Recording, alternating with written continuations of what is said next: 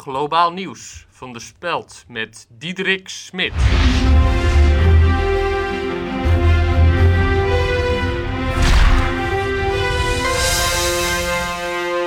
Goedenacht en hartelijk welkom bij een nieuwe aflevering van Globaal Nieuws. Ja, we waren er even tussenuit in verband met het einde der tijden. Hopelijk heeft iedereen een prettige apocalyps gehad. Wij in elk geval wel. We beginnen natuurlijk weer vol goede moed aan een nieuwe wereldgeschiedenis met vandaag de climax van de avonden van Gerard Reven bij de collega's van Luisterboek FM. En we hebben het laatste nieuws over de vliegramp in Kazachstan. Maar nu eerst het laatste nieuws over de PVV. Want de PVV wordt geen partij waar mensen lid van kunnen worden. De PVV-fractie heeft een voorstel daartoe van fractiegenoot Hero Brinkman dinsdag verworpen. Indiener van het plan, Hero Brinkman, wilde de partij democratiseren, maar legt zich nu neer bij het besluit van de fractie. Ik ben een democraat in hart en nieren, de fractie heeft besloten en daar conformeer ik me aan, aldus Brinkman. Er is een serie controversiële experimenten van start gegaan op dierenactivisten. Neurowetenschapper Bert Bokhoven is het onderzoek naar dierenactivisten begonnen met de hypothese dat dierenactivisme niet voortkomt uit ideologie, maar te wijten is aan een genetische afwijking. Voor zijn neurologische experimenten zal hij tientallen dierenactivisten in het laboratorium opnemen, geïsoleerd in kleine kooien. Ze zullen daar worden blootgesteld aan uiteenlopende onderzoeken. Volgens Bokhoven zijn de dierenactivisten op een professionele manier gevangen toen ze probeerden een nertse fokkerij binnen te dringen. Hierbij is alles gedaan om stress te voorkomen, aldus Bokhoven. De resultaten van het onderzoek worden verwacht in de loop van 2011. Ja, dan schakelen we nu live over naar de collega's van Luisterboek FM, waar ze bij de climax zijn aangekomen van de avonden van Gerard Reven. Alles is voorbij, fluisterde hij. Het is overgegaan. Het jaar is er niet meer. Konijn, ik ben levend. Ik adem en ik beweeg, dus ik leef. Is dat duidelijk? Welke beproevingen ook komen, ik leef. Hij zoog de borst vol adem en stapte in bed. Het is gezien, mompelde hij. Het is niet onopgemerkt gebleven. Hij strekte zich uit en viel in een diepe slaap. En u hoorde de avonden van Gerard Reven.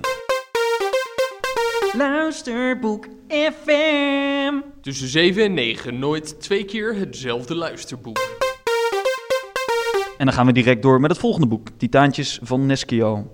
Aangevraagd door Diebertje Blok wegens privéomstandigheden. Nou, Dieuw, hier is hij. Jouw Neskio. Jongens waren we, maar aardige jongens, al zeg ik het zelf. We zijn nu veel wijzer. Stakkerig wijs zijn we, behalve Bavink die mal is geworden. Wat hebben we al niet willen opknappen? We zouden hun wel eens laten zien hoe het moest. We, dat waren wij met z'n vijven. Alle andere mensen waren ze. Ze die niet snapten en niet zagen. Wat, zei Bavink, God? Je praat over God? Hun warme eten is een God. Op enkele goede kerels na werd iedereen door ons veracht. Heel stilletjes zeg ik daar nu bij, en niet ten onrechte, maar dat mag niemand horen. Ik ben nu geen held meer. Je weet niet hoe je de mensen nog eens nodig kunt hebben. En Hoyer vindt ook dat je geen aanstoot moet geven. Van Becker zie of hoor je niks meer. En Kees Ploeger praat van die rare kerels die hem op de slechte weg brachten. Ja, en uh, voor dit moment verlaten wij even Titaantjes van uh, Neskio. Als er nog spannende ontwikkelingen zijn, dan komen we daar natuurlijk snel bij terug. En uh, denk eraan, volgende week dan is het natuurlijk weer 90s Request bij de collega's van Luisterboek FM. En dan kun je al je favoriete boeken aanvragen uit de jaren 1890. Voor nu gaan we snel over naar onze Sovjet-correspondent Karel van Koophandel. Hij heeft het uh, laatste nieuws over het vandaag neergestorte vliegtuig van Aeroflot in de woestijn van Kazachstan. 96 doden en 4 overlevenden. Ja, Karel, is al bekend hoeveel mensen hun aansluiting hebben gemist? Ja, uh, voor de overlevenden hier is het ronduit verschrikkelijk. Je moet je voorstellen, het wrak lag uh, 200 meter van de landingsbaan. En de vier mensen die de ramp hebben overleefd, ja, die hebben dus de hele weg naar de aankomsthal moeten lopen. Omdat er van tevoren gewoon geen, uh, geen vervoer was geregeld tussen de rampplek en het vliegveld.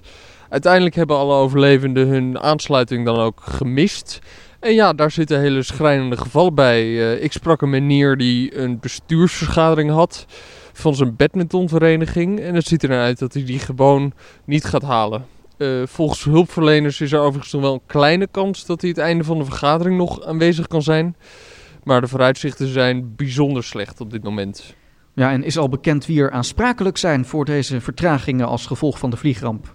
Ja, normaal gesproken zijn dat natuurlijk de piloten. Maar omdat die allebei zijn omgekomen, zal het helaas uh, nog heel moeilijk worden om uh, de opgelopen schade op hen te verhalen. Dus wat dat betreft lijkt het voor de mensen hier echt een uitzichtloze situatie. Ja, en Karel, zijn de overlevenden al geïdentificeerd? Het laatste nieuws is inderdaad dat alle overlevenden geïdentificeerd zijn en hun families worden nu ingelicht. Zijn er ook Nederlanders die hun aansluiting hebben gemist? Nee, nee. We hebben het hier over twee Noorse toeristen, een Kazachstaanse man en een Mexicaan en een Baviaan. Uh, het laatste nieuws is overigens dat er een verklaring is van de Kazachstaanse premier die zijn medeleven betuigt aan de mensen die hun aansluiting hebben gemist. Goed, bedankt voor dit moment Karel van Koophandel vanuit Almere.